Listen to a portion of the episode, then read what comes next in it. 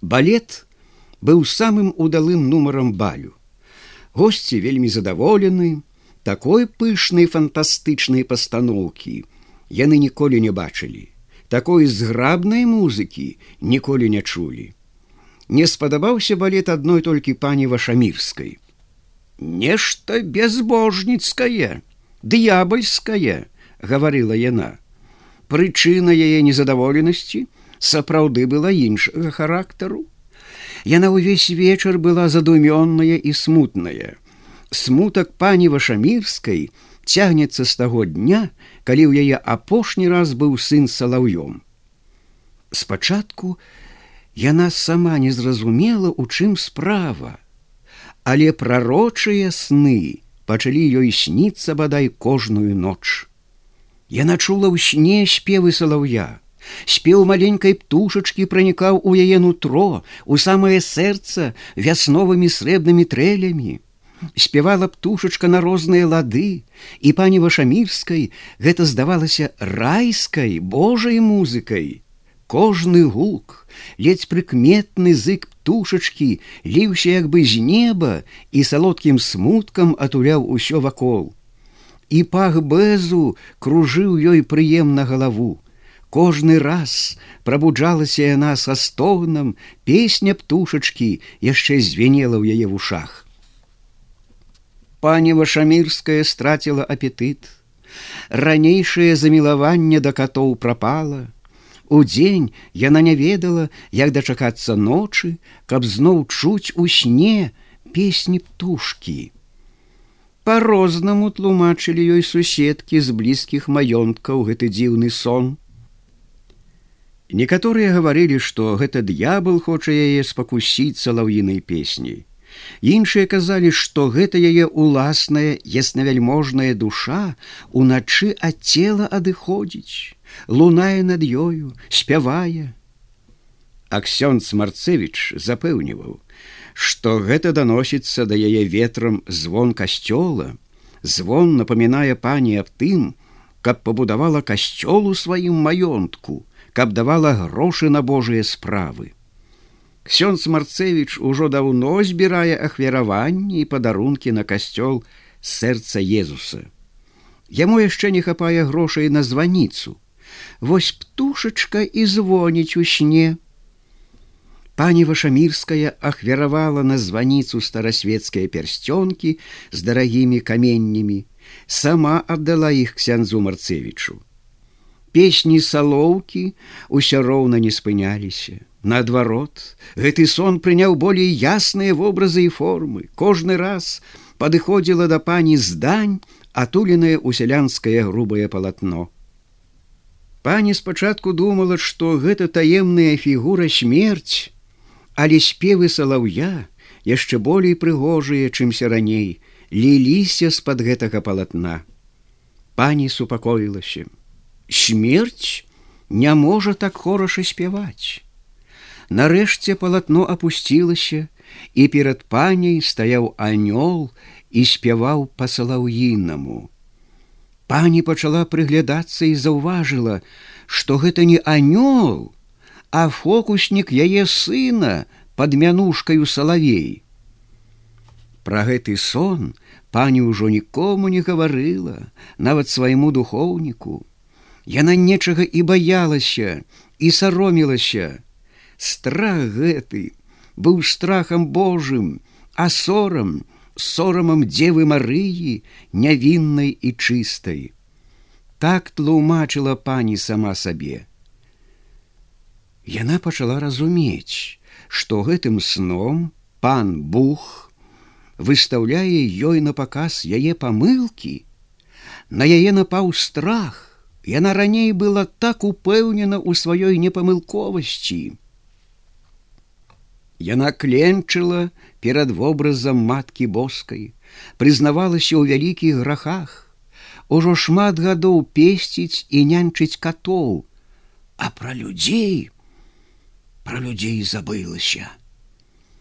Аднак адчуваючы свой вялікі грэх, пані па-ранейшаму глядзела за катамі, Што ж яны бедныя вінаваты?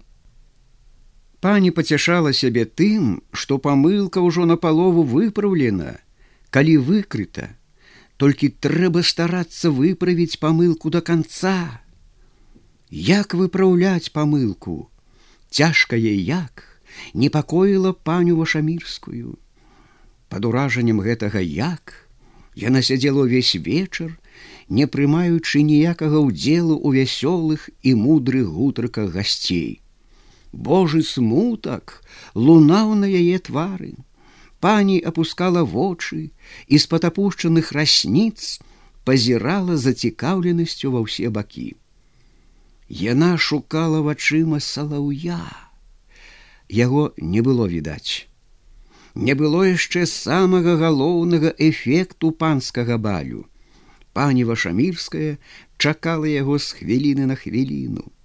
Яна забылася гладзіць і песціць катоў, якія сядзелі ў яе на каленях. Ад нецярплівасці яна кожны раз уздрыгвала, калі да яе зварочваліся суседзі пры стале запытаннямі і заўвагамі. У гэты час пан вашамірскі гутарыў суседам з блізкага маёнтка аб тым, што студыя ўсё ж яго не здавальняе, бо акторы яго выдрасіраваныя мядзведзі. Нутранога агню натхнення няма ў іх. Вось ён зараз пакажа ўсім на закуску балю сапраўднае дзіва, чалавека, які спявае салаўём, Я думаю павесці яго за мяжу на паказ, павысіў пан вашамірскі голас. Салаўя сюды, салаўя! попрасілі госці. Пані вашамірская пабляднела ад хвалявання. У гэтую хвіліну салавей быў яе апошняй нябеснай справай. Паслухаць цяпер салаўя штука вельмі пікантная сказаў доктор богословіі і філасофіі гэта тонкая густоўнасць і вышэйшы эстэтызм. Дзіўлюся стольнасці пана вашамірскага. Шчыра здзіўлюся. Ксёнз пачаў доўгую тыраду аб спевах салаўя аб цудах божых. Хоць пан вашамірскі добра разумеў, што гэта толькі няшчырая ксяндзоўская ільсцівасць, аднак перад вялікай грамадой гасцей яму было прыемна ад слоў ксяндза. Прывесці сюды салаўя! крыкнуў пан гайдукам. Пан расказаў гасцям падрабязна ўсю гісторыю, як ён першы раз пачуў фокусы салаўя, і як дзеля жарту, загадаў тады усыпаць некалькі гарачых гайдуку макару. Пры гэтым ён успомніў, што гайдука макара няма. Ён паклікаў стольніка і запытаўся: « Дзе макар?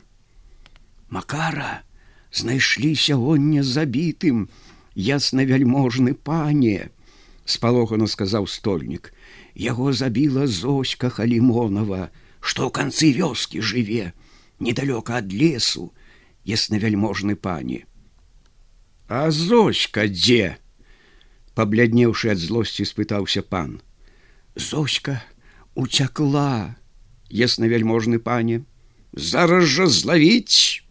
Скажы аб гэтым войту. Слухаю яснавяльможны пане.